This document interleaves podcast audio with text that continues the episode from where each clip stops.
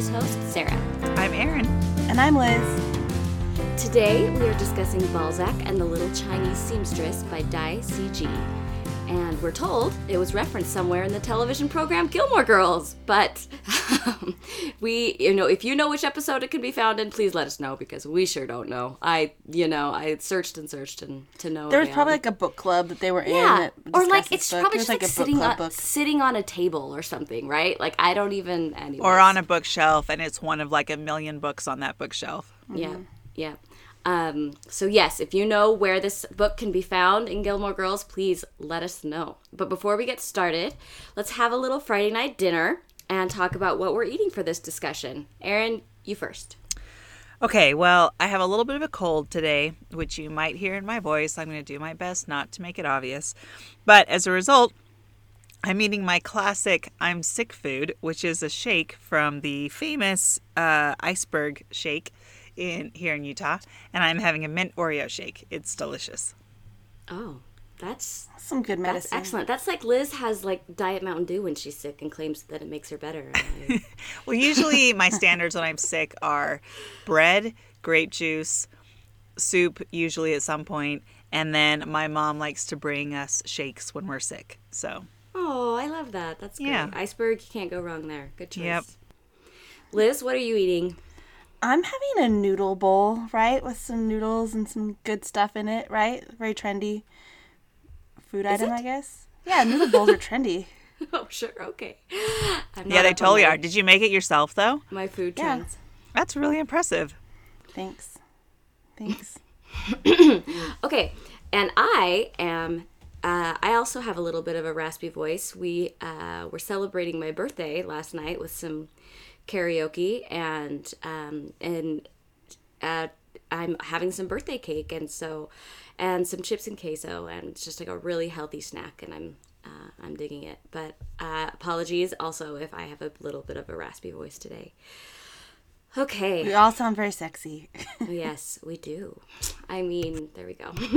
It's very Lisa Kudrow on Friends, That's what I'm right? saying. Like she's like it's her sexy voice. All right. So now that we have our snacks in order, let's get into this. Here is a quick synopsis taken from the back of the book, of all places. I thought I'd, you know, try something different, and I thought that the back of the book actually had a good synopsis. So, um, at least the back of the edition I read.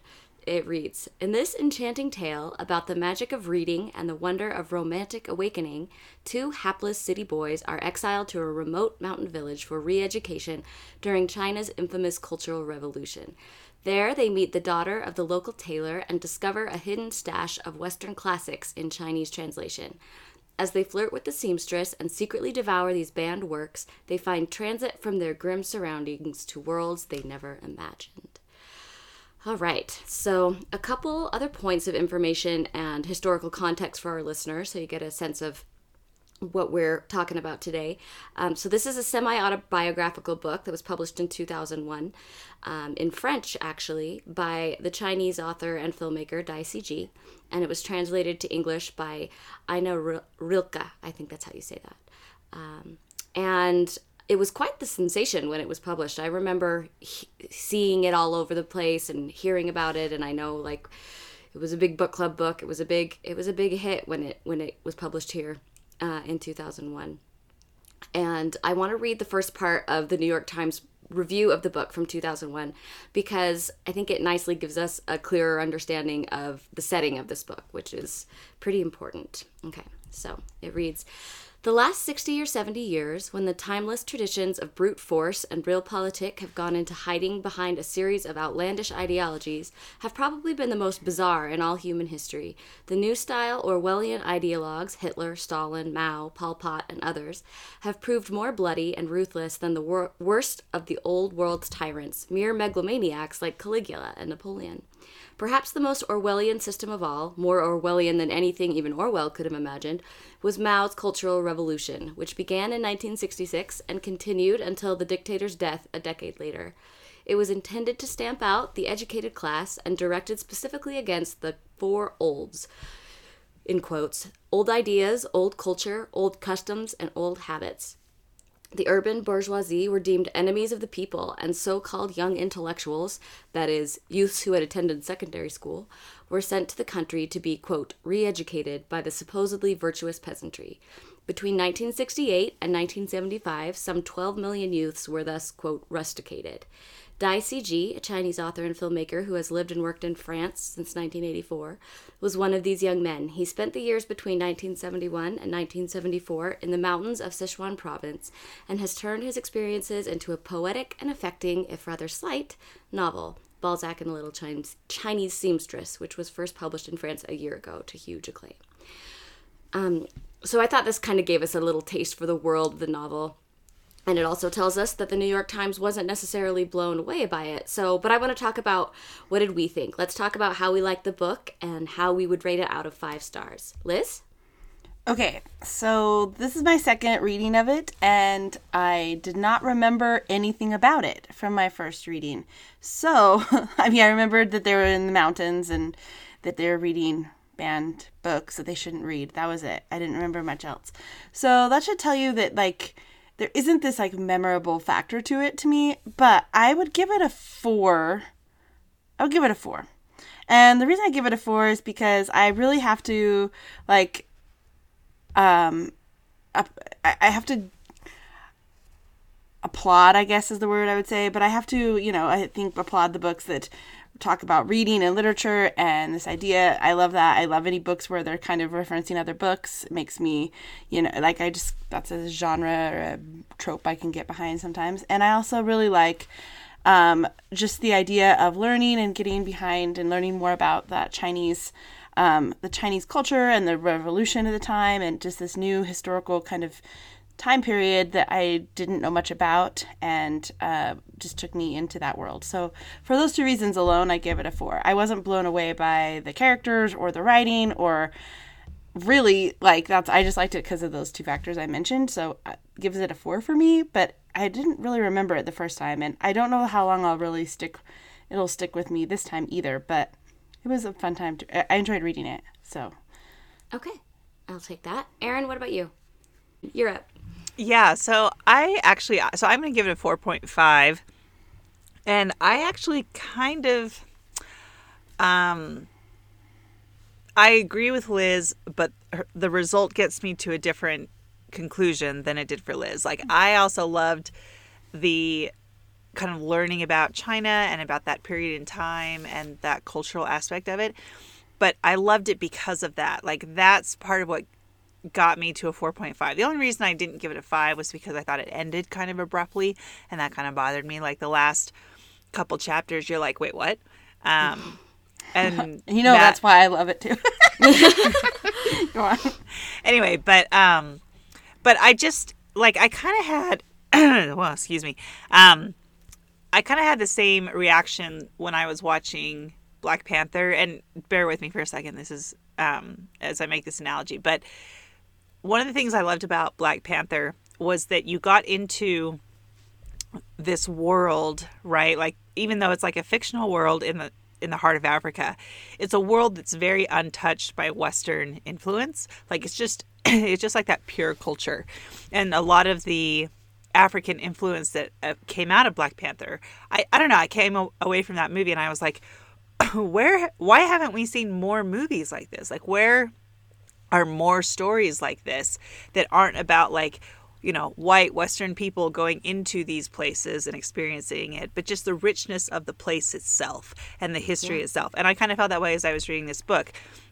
Even though they're reading western books and those are having a big influence on them this is a world that i knew absolutely nothing about. And this whole cultural cultural revolution, the imagery of being in these in this mountain village and of having to traverse these really rocky, steep, dangerous paths, the work that they had to do, all those kinds of things. It was just it completely opened up a whole other world to me, which is exactly what reading's supposed to do. And I loved it for that reason. So the only reason I, and this is also my second reading, and it did stay with me. Um, a lot of things that I read, um, you know, there were a couple things where I was like, oh, I forgot about that part. But the story as a whole, the impression of it stayed with me. and um, because of that sort of like you know opening it was kind of like when i read the joy luck club you know kind of the same thing like opening into this world that i just really knew nothing about culturally so i would have given it a five if i had liked the ending a little bit better not that i didn't like the way it ended i just felt like it was a little abrupt but um so that's why i gave it a 4.5 All right, I like it. I like the Black Panther comparison. Um, for me, I'm it's I'm kind of on the same page with both of you. I really like learning about this world, and um, and yeah, it is does a good job of kind of immersing you in this really unique place and time, and and and it you know illustrates this world so much so that like you want more of that. I again, I'm with Liz. I kind of didn't necessarily want or need more of the characters themselves, but um, but just just this the general bigger picture was just fascinating and beautiful. Um, I'm gonna go ahead and maybe give it a four. Yeah, a four. I'm gonna give it four stars because um, I I really enjoyed it. Again, a lot of the same reasons as Liz. I liked the themes about you know the impact of that literature has in opening our minds and broadening our our lives and our experiences and and the impact that it can it can change how it can actually change our lives and um and I thought it illustrated that really well and I I, I thought all the um the cultural revolution stuff was just fascinating and um so I thought it was a, a good read but also um yeah, I can kind of see where the the New York Times is coming from, where it's kind of like it's a little like like insubstantial at the same time. Like I don't know if it's a function of he kind of sets it in this really specific place, but gives it this like none of the characters have names. Even the narrator doesn't have a name, and there's only one character, Luo, who hasn't who is actually named, and kind of gives it this broader like this could like this fable that could be happening anytime but so it kind of made it a little like uh, i don't know kind of wispier?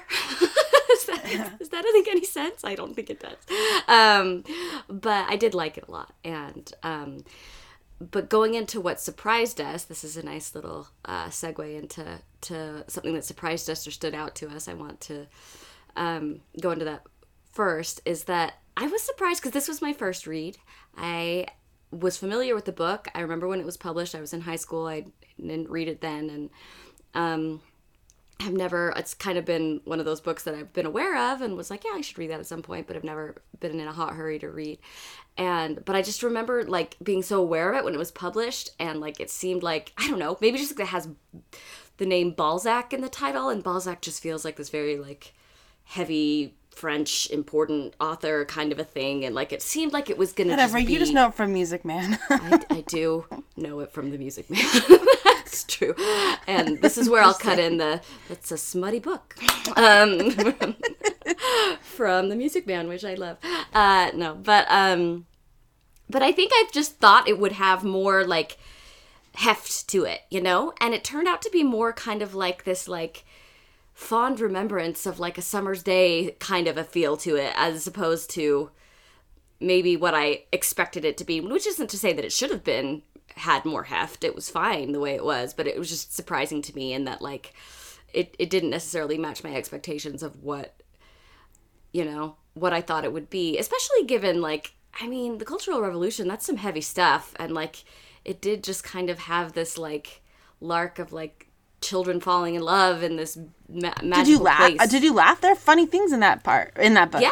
Oh, for sure, I laughed. Yeah, Yeah. definitely. So Again, that's- I- that's not- kind of Well, I also think that like I think that's kind of the point, right? Like Yeah. he's not writing Yeah. about the Cultural Revolution as a his, as an historian or as someone who's you know he's writing about it his experience of it. yeah from his experience of it and he was what like a teenager himself when he went through Yeah. it and so he, it is from maybe a lighter more childlike place because that's how he viewed it and i Yeah, loved which it I think is great. I thought it was Yeah, I great. I, loved was it just, it just, su- it surprised me. That's not what I was expecting from it. So it was good. I was good. I was good with that. What about you? What's I think um I don't I don't know that there was any like one thing that surprised me about it other than just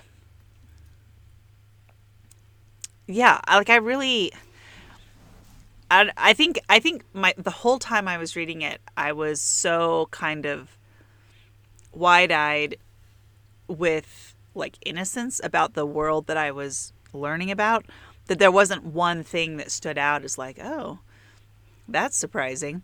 Except like I said for the for well, the ending did surprise me. I did not anticipate the ending or how that kind of turned out, Okay. um, which I think is to his credit because Yeah. even and maybe I'm alone in that, but you know the way he wrote it, the narrator is surprised by the ending, and um, talks about like should we have seen this coming, and I was like, yeah, I agree. Should I have seen that coming?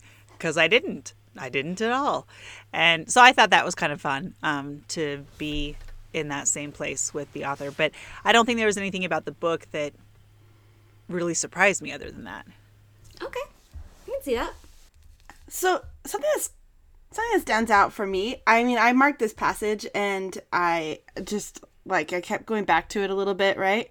Um, in my mind is it's um I don't know what page it's on, but it's in the book and it says, "Picture, if you will, a boy of 19 still slumbering in the limbo of adolescence, having heard nothing but revolutionary blather about patriotism, communism, ideology, and propaganda all his life, falling headlong into a story of awakening desire, passion, impulsive action, love of all subjects that had until then been hidden from me." And like to me that encapsulates what really like stands out to me is just this whole idea of this like western literature which isn't it doesn't have to be western at all but like the fact that it wasn't this like um, propaganda literature and it wasn't their movies that they had to watch from north korea and it wasn't like all the stuff that had previously filled their minds like for the first time they were just so like besotted with it. And i guess i see so much apathy about literature and about like things now that people are like oh yeah whatever like there's so much there that like i just love how it was just so enrapturing to them and to everyone around them like they wanted to hear those stories like the tailor wanted to hear the story he was like sleeping at night like p- pretending to be asleep while they're telling these stories that they had been reading The Count of Monte Cristo. like yeah, absorbed absorbed in these stories so i think i just really like stood out to me is just how like much it spoke to them right? And i mean it obviously influenced them in a lot of ways too. But just how they um I, it says that they're in the limbo of adolescence but i don't even think it matters how old you are but like that they were just for the first time like falling into this like awakening from the literature and from the stories that they're being told from other places. And i just i mean that just just jumped out at me and it ran all the earlier in the book a little bit and it runs all the way through the whole book where they just illustrate that even more and more just their like desire to get their hands on these books and to hear stories and how the whole village would like wait in anticipation for them to go see a movie and come back and tell them the story of that movie right like, in detail. yeah they're How- their their their explanation had to be as long as the movie, or they'd get in trouble. yeah. So i guess the idea of just like depriving someone of something for so long and then like giving it back to them would make people more thirsty for it. Yeah that's I do want to say that, like, kind of going along with that, I was surprised over and over again when it would come up how, um, how kind of rudimentary their education actually was.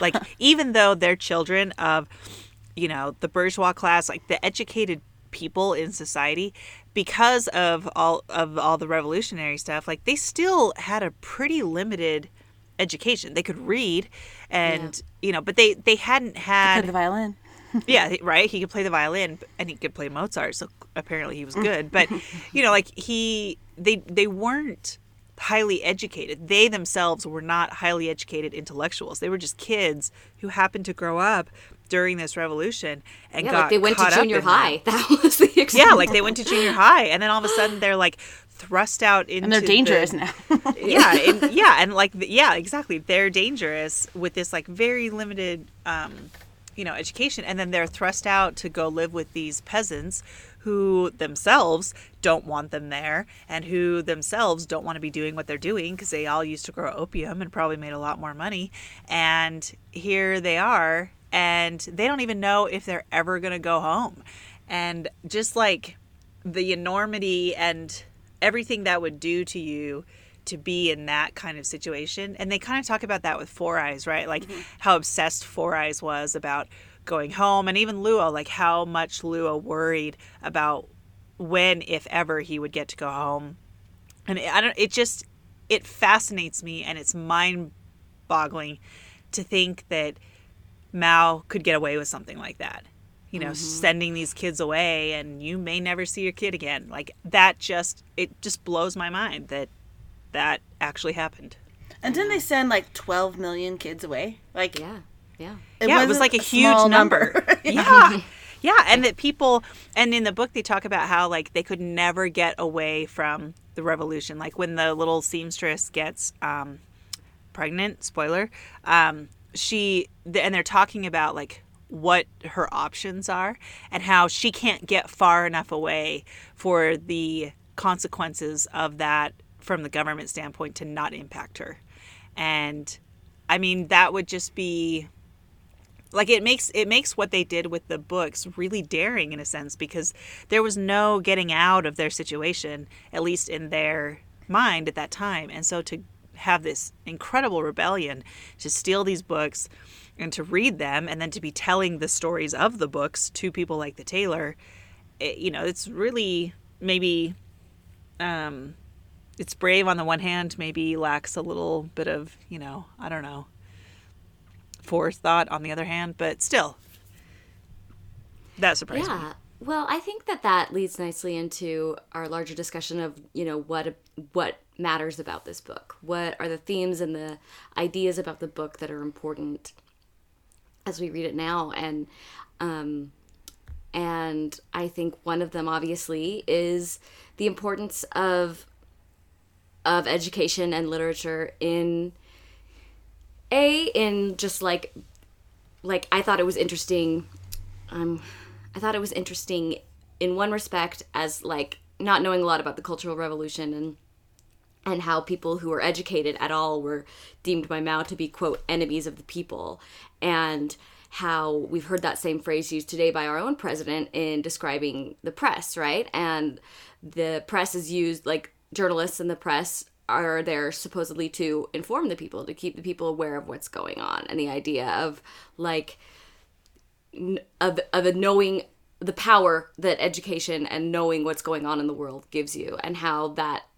is a frightening thing to people who maybe don't someone like Mao I'm not comparing Donald Trump to Mao necessarily but although it sounds like I am but but I think that it's it's just an interesting telling telling thing that you know for a government whose objective is to control people you don't want them educated and you don't want them you know you don't want to give them freedom of ideas and that's what these these books provided them. But then on the other hand they also provided them this escape like what you're talking about right? Like it lifted them out of these horrible circumstances where they're in these super dangerous coal mines or lugging this manure in buckets up these steep hills and and um, you know just this brute hard labor and and that finding these books was such a gift because it was it was just taking them out of um, sort of the wretchedness of their day to day lives. And I do, uh, I, I just, I thought it really um, explored that those ideas really well. The impact that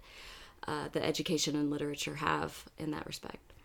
Well, and it obviously impacted them. I mean, as, as far as their like revolutionary, you know, like rebellion, I guess, right? Here they are sent away to be re educated and they are still reading, you know, books that they probably wouldn't have been reading in school anyway, to be honest, right? So, like, they were deprived of an education, but that they saw, they used the literature and they used their Western influence right there to, to, to teach them stuff. But it also is what ultimately, like, led the little seamstress right to leave them sorry spoiler alert right like she Yeah, we have to talk about the ending. We yeah have to go there. like i mean her her exposure to the literature too opened her mind i mean Luo wanted her to read those books he wanted to read those books to her i mean maybe because he was like balzac is you know as sarah called it earlier a smutty book just kidding Hold But, on, I did not call it that. yeah you did The music man called it that. anyway, fine, whatever. He wanted to read her Balzac, and he's like, I need to like expose. I wanted to like open her mind. Maybe he like just really liked it because it made her like, you Good know, to go. yeah, good to go, I guess, Sarah. Um, but I mean, it also made her like literally like ready to leave and not to accept the world that she was stuck in, right? So she she was she was she had to move on too. So I think that exposure to literature and whatever ideas it does expose you to also exposes you to like a dissatisfaction with your world around you sometimes, and that's yeah. a that's something that comes with that, and it's natural, I think, but an interesting thing to explore can't remember if it's in the book or if I read it in like an article or something as I was kind of looking researching this book, but um, you know, they're talking about how like you use literature or the lack thereof to control people, like Sarah was saying, and then and this is not making a lot of sense, but um, basically Luo was trying to take this girl, right? This little seamstress. I think he was looking at it more as like a long term thing. He wanted to educate her. He wanted to, I do, yeah, I think so um, too. You know, introduce her to culture so that he could probably take her back with him, or try to bring her up to the level that he had kind of been used to. And I think he had a long term game in mind. And so when it backfires on him, like that's a really interesting twist to take with that, right? Like not that she becomes his equal and they're partners and they're happily ever after, but she's kind of like, and I'm done. Like yeah. we're, I want, I want more. I want more yeah, than this, and more for my life than this. Yeah. Yeah, and the fact that, like at the very end of the book, after Luo has talked to the little seamstress, and he comes back and says she wants to go to the city. She mentioned Balzac. Well, what about him? She said she had learned one thing. She had learned one thing from Balzac that a woman's beauty is a treasure beyond price. And then that's it. The book ends, and I just think like, I think that's part of why I was like, wait, what? um, but I think it's a fascinating way to end that book that here they are like becoming enlightened and mm-hmm. just like enchanted with all these stories of love and this kind of like western I mean, it's not necessarily Western, but these Western writers. And then the old seamstress takes it almost not necessarily another direction, but takes it to like a different extreme. And I don't know, it's just it's kind of fascinating. Yeah. Just the power of what new ideas can do, right? Yeah. And how they can be dangerous. Yeah. They can be dangerous in a political sense and they can be dangerous in a personal sense. To, to Luo anyway, right? Like right. anyway. Well, and these millions of people that live in rural China at the time, right? I mean, having not seen this other side, like uh, exposed to anything different, right? Like you're gonna just keep growing along and growing your opium, or later in the revolution, you know, doing the backbreaking work of Mao or whatever, right? Like you're not exposed to something else, you're not gonna necessarily know to seek something else. So what it would make you dissatisfied, right? That is why they wouldn't want you to read it or see see right. see what's going on in the world more, around you. There's more that you can do with your life, right? Mm-hmm. I mean, that's one thing we know is that education does provide this provide more opportunities whatever you know whatever you want it to be the more educated you are the more opportunities you have and the more freedom you have to make different choices and yeah when you're trying to control the choices people are making you don't want them so what i think is fascinating and i mean this is separate from the book. This is just the, the history nerd in me is like I just the idea that he's like, all right, like trying to put like tr- trying to undo it, right? Like I'm going to send these children away and have them do manual labor with these rural peasants and essentially like that's going to accomplish like I don't know. It's like, is it like, what did he think that was going to accomplish? Like, I just, I just think it's fascinating in that, in that sense. Anyway. Well, control, and you know, you get this real sense of, like, I think you see this in other cases too, where you get this real nostalgia and romanticism about this like simple country life, and that everything's better, and you don't have these big world problems. And maybe to some extent that's true, but um, yeah, I don't know. It's uh, your life is limited in, in so many in so many ways and i guess he was trying to, to limit to limit their i love i love this passage yeah. right here it says um, and Luo wouldn't be able to marry the little seamstress for several years, given that marriage under the age of 25 was illegal. Oh yeah, I love that. The situation was hopeless. There was nowhere for them to go, for there was no conceivable place where a Romeo and his pregnant Juliet might elude the long arm of the law, or nor indeed where they might live the life of Robinson Crusoe, attended by a secret agent turned Man Friday. Every nook and cranny of the land came under the all seeing eye of the dictatorship of the proletariat, which had cast its gigantic fine mesh net over the whole of China. Like, it's funny, but wow, right? yeah. Yeah. I think that just kind of is a it's a elegant way to capture the the tone of the whole book, mm-hmm. right? Yeah. Yeah, and how they weave in the references to the books, right? Like, mm-hmm. but also just showing how their lives were controlled 100% by what was going on around them. Like, the, it, everything, I like a gigantic net, right? That was cast mm-hmm. over them. Fine It's mesh, kind of a yeah. good way to explain what that would have looked like. But I just think it's hard to, fa- it seems like a dystopian, Orwellian thing to have happen. And it's pretty real. yeah. Um, absolutely. Is there anything else that um, that we haven't touched on as far as you know what about the impact of this book? What makes it? I don't know that it's an impact. Maybe this is part of a different discussion, but I also think like to me, I have to wonder because I think that there might be other books um, from China that would teach us the same thing and talk about some of these similar ideas. Um, I think the idea that he was already writing from from from he wrote it in France, right, and it was translated. France, but how often do books that were French, they're written in France and translated, mm-hmm. and then from China make our way into our book clubs and our bookshelves and the you know mass culture of reading? There's probably so many books out there that we have no idea that could expose us to this life as well right where they're talking about what it would have been like firsthand right like their voices aren't necessarily heard by the general audience and it's just They're I'm- not I accessible to an American yeah, audience. Yeah. I feel mm-hmm. fortunate, I guess, to be able to get it because it's almost like a fluke that it. Not a fluke. I'm sure there was some other things that happened to make it popular, but I just feel like we don't really get a lot of multicultural, like, popular fiction. mainstream popular mm-hmm. fiction. Yeah, for mm-hmm. sure. No, I see that. That's really true. So I just kind of wonder, like, how it, how it got there. Yeah. And if Yeah. if there's more out there, like if you like this book, read so and so. Like, uh, what other Chinese authors can I read that will teach me about this? Right?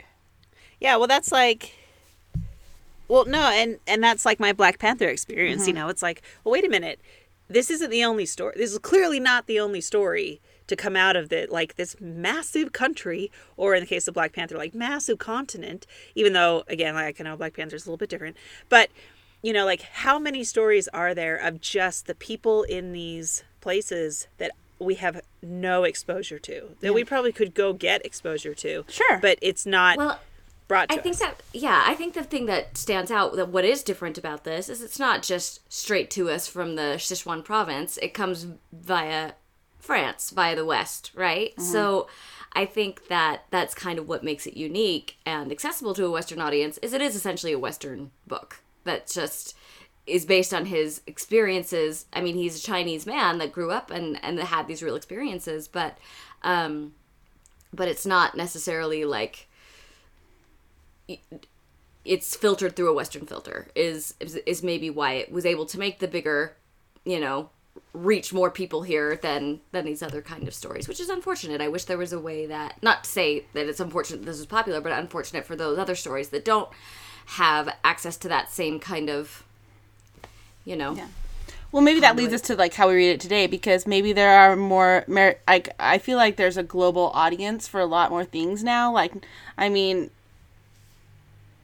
even if I was just like using Netflix as an example, right? You could get you can watch all sorts of shows from China on Netflix if you wanted to, or you could. I mean, there's it's not we're not limited just to that. We could find these things on the internet if we wanted to, right? I think that there's I think that there's a, a this wouldn't be quite so like wait where is this coming from today if um maybe maybe it would still i don't know but i do feel like there's more global global reach for things today that we have a different access i guess to sure get stuff. that's a good point Yeah, yeah.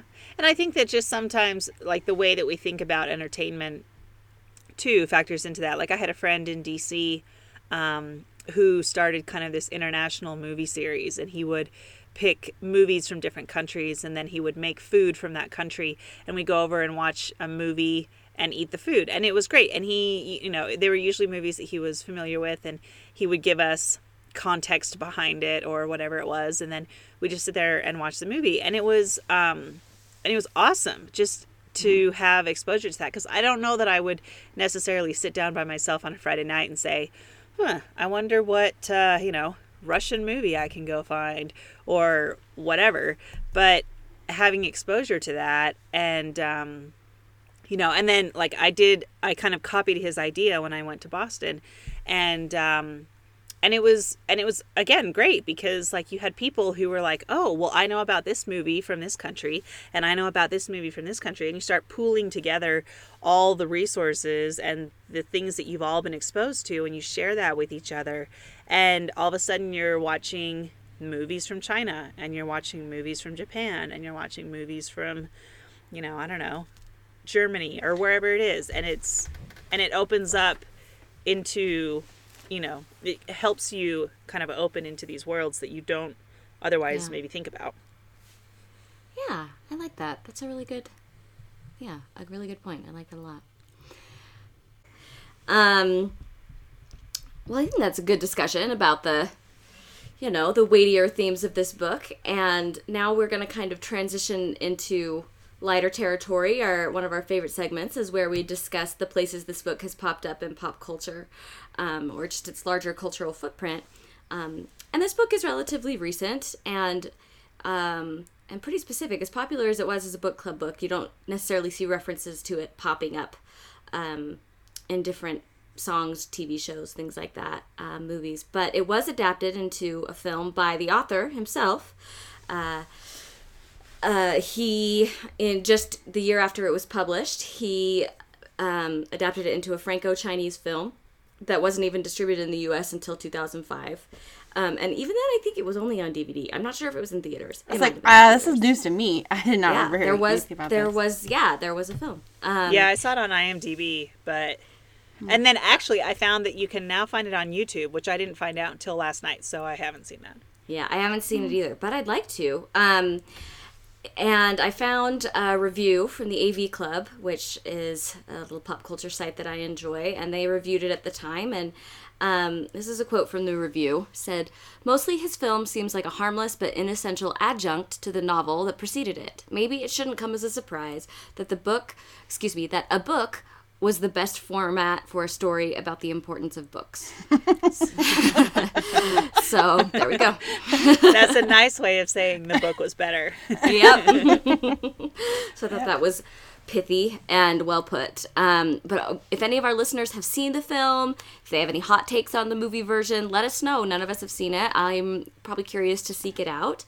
Um, which actually kind of brings us neatly into our next segment, which is kind of our now what segment. What, um, now that we've finished the book, what are we inspired to do? And um, I'm actually going to go first because I want to, because I feel like we're all going to say the same thing. So I want to go first.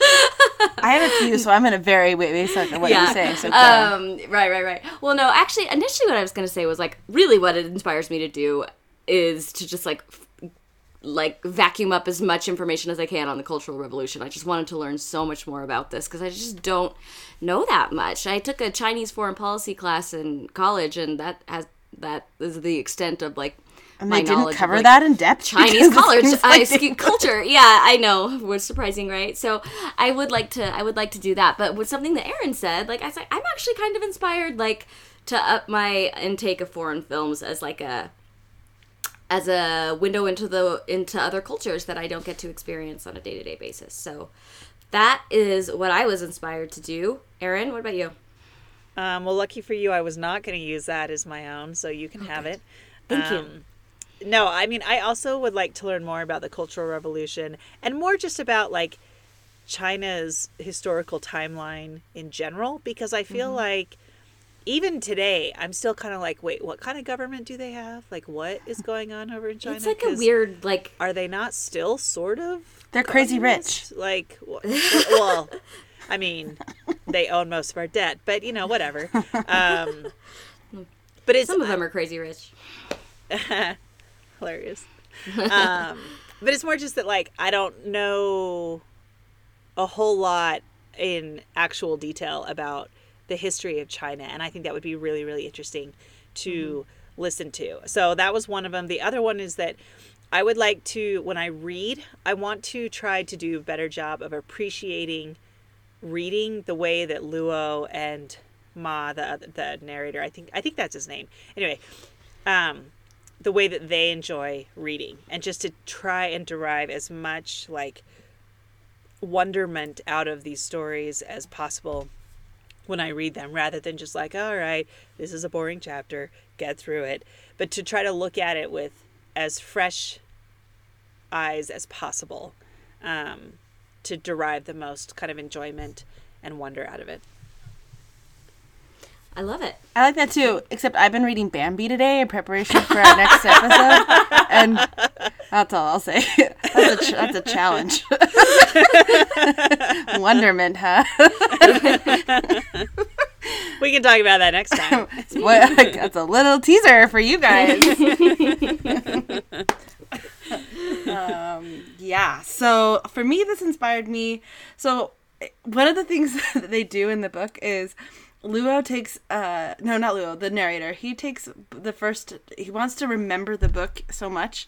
Like his wonderment extended beyond where he wrote it down inside of his clothes and like made it so he could remember it. And then later on they also tell the stories to different people. But anyways one of the tellings of Monte Count of Monte Cristo took four days to tell and yeah that book's long I No, get it was nine days. It was nine. nine days okay Yeah, it took it took him nine nights to finish nine it. nights to finish telling the story. They got permission to not work so they could Yeah, rest yeah, during yeah. the day. I mean, I get it that that book is long, but I guess what I was thinking I need to do is up my game in like my retellings of stuff because sometimes I think I just get lazy and just give like I don't want to tell this right, but I want to enthrall my listeners so much with my retellings of books or plot synopses or anecdotes or whatever where it something could take 9 days to retell.